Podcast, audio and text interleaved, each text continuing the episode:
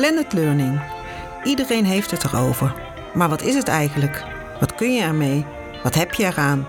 Hebben we al beleid? Waar kan ik terecht met vragen? Zijn er al goede voorbeelden? In de podcastserie Fontis Blended Learning gaan we in op blended learning bij Fontis en daarbuiten. Welkom bij de podcast Fontes Blended Learning. Ik ben Jo. Ik ben van dienst ONO en van het Scrum Team Blended Learning. En vandaag onze eerste aflevering met onze eerste gast, Bianca van der Aalst. Dag Bianca, kun je je voorstellen? Ja, zeker. Dankjewel, uh, Jean. Bedankt ook voor de uitnodiging. Uh, ik ben uh, Bianca van der Aalst. Ik werk bij Fontes Mens en Gezondheid als Blended Learning Coach. Of Blended Learning Consultant, hoe je het wil noemen. En dat doe ik nu een klein jaar. Daarvoor werkte ik ook bij de dienst onderwijs en onderzoek, ook als consultant. En um, heb daarvoor eigenlijk bij diverse instellingen gewerkt. Altijd op het gebied van ICT en onderwijs of blended learning. En um, ben daarnaast uh, buiten Fontes ook betrokken bij de SURF Special Interest Group voor Blended Learning. Waar we nou ja, heel veel kennis met elkaar delen op dat gebied. Andere experts uit het veld. Dankjewel. Carola, onze co-host. Dag Jean, dag Bianca. Ik ben Carola Verrooy en werkzaam als docent bij Fontes HRM en TP. En daarnaast sinds een half jaar lid van het Fontes Scrum Team, waar ik me bezig hou met innovatie. Dankjewel. Blended learning. Een begrip dat we de laatste jaren vaker horen. Bijna dagelijks. En toen kwam corona en toen hoorden we het nog vaker. De stand van blended learning. Daar gaan we het vandaag over hebben. En wat we aan het doen zijn om het geïmplementeerd te krijgen. Bianca, wat is wat jou betreft de stand van blended learning? Nou, eigenlijk zeg je het daar al heel goed. Hè? We zijn er stiekem al, uh, al vele jaren mee bezig. Um, ook hè, bijvoorbeeld vanuit zo'n SIG uh, werken toch al gauw uh, tien jaar, denk ik, aan, aan het onderwerp. Um, en eigenlijk is het al een heel oud begrip. Alleen heeft het de laatste uh, 2,5, 3 jaar dus uh, echt wel meer aandacht gekregen. Ook door alle ervaringen die we natuurlijk opgedaan hebben met, uh, met online onderwijs. En uh, dat we nu toch echt meer op zoek gaan naar wat is nou die optimale mix dan uh, tussen hetgeen wat we met fysiek onderwijs doen en hetgeen wat we online aan kunnen bieden. hoe kunnen we zorgen dat we het leerproces van de studenten zo goed mogelijk kunnen ondersteunen. Dus je merkt dat daar wel echt meer aandacht voor is. En dat je bij diverse instellingen ook ziet dat het steeds meer op de agenda komt. Hè. Dus er worden visies geschreven, um, er worden implementatieplannen geschreven, uh, er worden de, de planningen gemaakt van hoe gaan we dat dan implementeren op den duur. Um, maar als we naar het onderwijs kijken, dan denk ik dat we nog stiekem heel veel uh, te doen hebben. Dus dat er wel wordt uh, geëxperimenteerd, maar dat uh, de kwaliteit nog niet altijd daar is waar we het zouden willen. Dus dat we nog echt veel meer uit kunnen halen om ook daadwerkelijk die toegevoegde waarde van Blended meer zichtbaar te krijgen.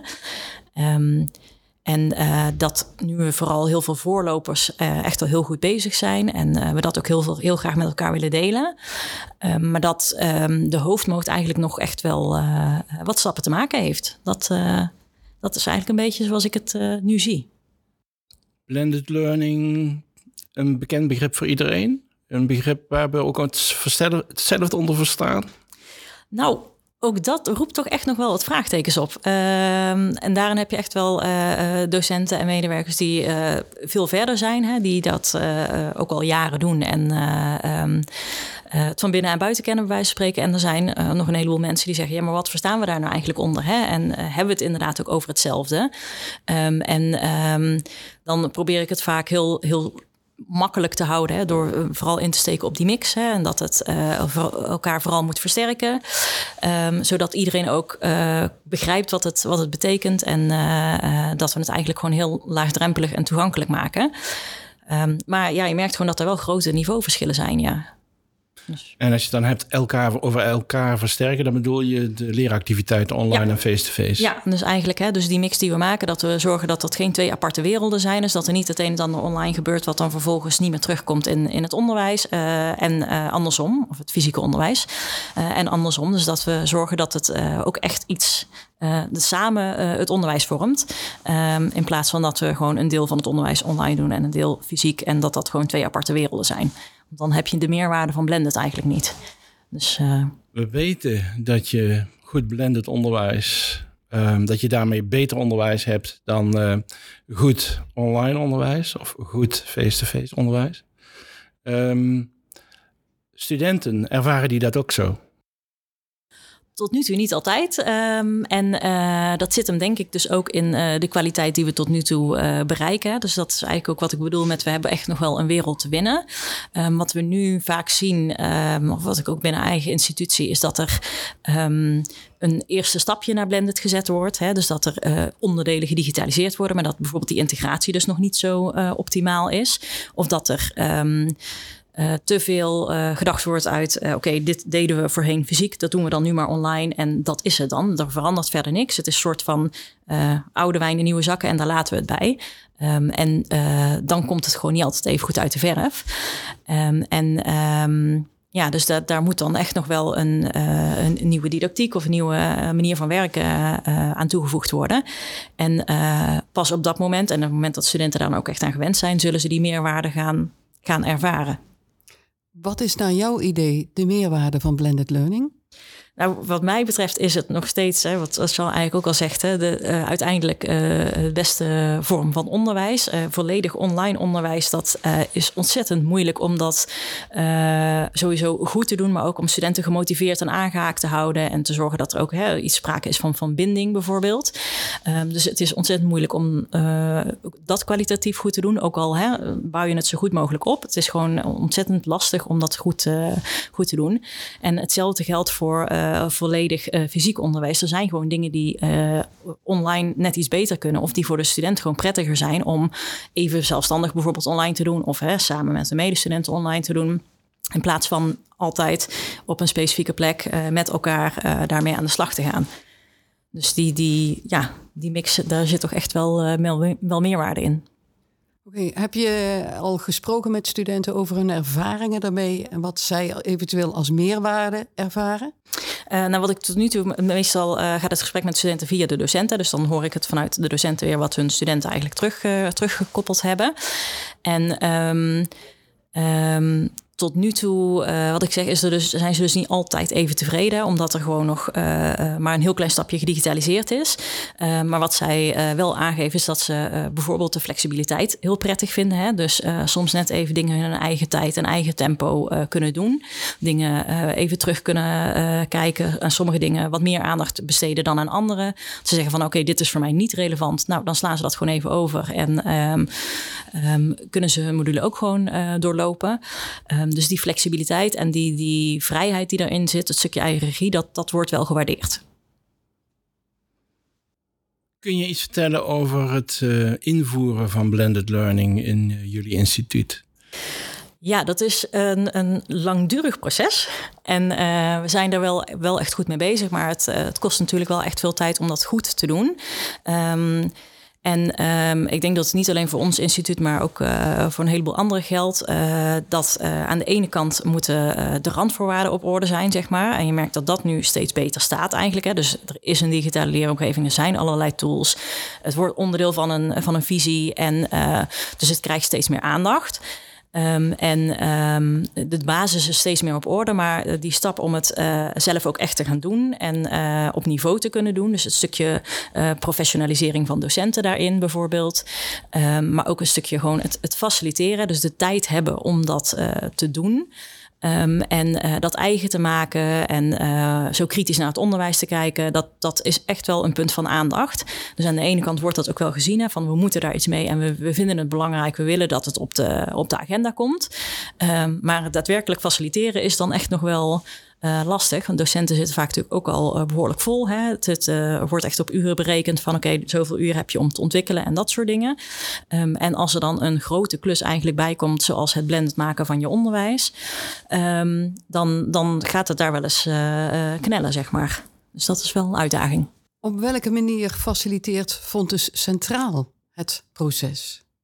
Nou, vanuit Fontes Centraal, of hè, vanuit in dit geval bijvoorbeeld uh, ONO, uh, die hebben natuurlijk uh, de faciliteiten bijvoorbeeld. Ehm, zeggen, voor elkaar gekregen. Ehm, dus die digitale leeromgeving die, uh, is uh, vanuit centraal uh, geïmplementeerd, zodat alle instituten daarmee kunnen werken. Um, iets voor digitaal toetsen, voor het portfolio. Dus zo verschillende tools die worden wel vanuit centraal ook gefaciliteerd. Dan heb je natuurlijk het Scrum team, die een heleboel kennis ook, ook deelt. En ook een stukje van die professionalisering eigenlijk kan, kan faciliteren. Um, dus dat is echt een, een mooi initiatief, denk ik. En uh, verder ligt het deels natuurlijk ook echt bij de instituten zelf om het uh, daadwerkelijk in die opleidingen te gaan implementeren en het daar op de agenda te zetten. Dat dat de komende tijd moet gaan gebeuren en dat dat prioriteit heeft. Dat er dus ook tijd gemaakt moet worden om dat, uh, om dat te doen. En docenten daarin ondersteund en gefaciliteerd of geprofessionaliseerd moeten worden. Hoe krijg je naar jouw idee docenten mee in dit proces? Naast de ondersteuning, Hè, faciliteren, mhm. uren, inzet, et nou, cetera. Ja, dat zijn wel hele belangrijke voorwaarden voor ze. Dus ook dat ze de ruimte voelen en ook hè, de, de, even de denkruimte hebben om daarover na te denken. Um, is denk ik ook een stukje inspiratie. En um, uh, wat je stiekem toch ook wel ziet, is dat mensen een beetje huiverig zijn soms hè, voor het gebruik van ICT. Um, ehm, en ik denk dat we ze daarin echt wel uh, meer kunnen helpen om die drempel weg te nemen. Um, en uh, aan de ene kant hè, doen we dat al door iets, uh, door, door, tools aan te bieden die eigenlijk heel gebruiksvriendelijk zijn. Um, maar dan Zoals? nog. Kun je er een paar noemen? Nou, bijvoorbeeld Canvas, hè, onze digitale leeromgeving, is eigenlijk heel makkelijk, heel intuïtief. Um, dus uh, in principe kunnen docenten daar redelijk makkelijk mee aan de slag. En zo heb je ook wat losse tools natuurlijk waar ze gewoon heel makkelijk mee, mee aan de slag kunnen. Maar um, ja, het is toch echt wel een drempel. En dat hebben we natuurlijk ook gezien hè, met het uh, volledig online gaan van het onderwijs. Uh, dat dat, kijk, toen moesten we en toen moest iedereen. En um, dat heeft er wel voor gezorgd dat mensen dan ook tot de conclusie komen: hey, dat kan ik eigenlijk wel. En het is helemaal niet zo ingewikkeld, maar ze moeten het dan gewoon echt even doen. Dus die ruimte om ook echt gewoon met dingen te experimenteren. En uh, ook het idee te hebben dat je daar fouten in mag maken en dat dat ook oké is. Hè? Um, ik denk dat dat voor docenten ook echt wel belangrijk is. Dus um, uh, ja, ze hoeven er niet op afgerekend te worden als het fout gaat. Uh, hooguit als ze het niet doen, als ze het niet proberen. Dus dat je ja, stimuleert dat ze er gewoon wat, wat mee, mee gaan rommelen. Je zei net, um, ja, te weinig uren kan een belemmering zijn. Uh, volzitten met andere dingen. Stel nou dat iedereen voldoende tijd had. Dan is er nog zo'n ding als erachter staan of het zelf willen of zelf de meerwaarde ervan zien. Hoe is dat bij jullie? Um, ja, ook dat is heel wisselend. Er zijn, uh, um, en dat, dat zie je dan dus ook terug in de tijd die mensen eraan besteden. Mensen die er zelf heel enthousiast over zijn en die daar uh, uh, gewoon mee aan de slag willen en daar inderdaad de meerwaarde van zien. En als ze het nog niet zien, het wel willen proberen en kijken hè, wat, het, wat het ze oplevert.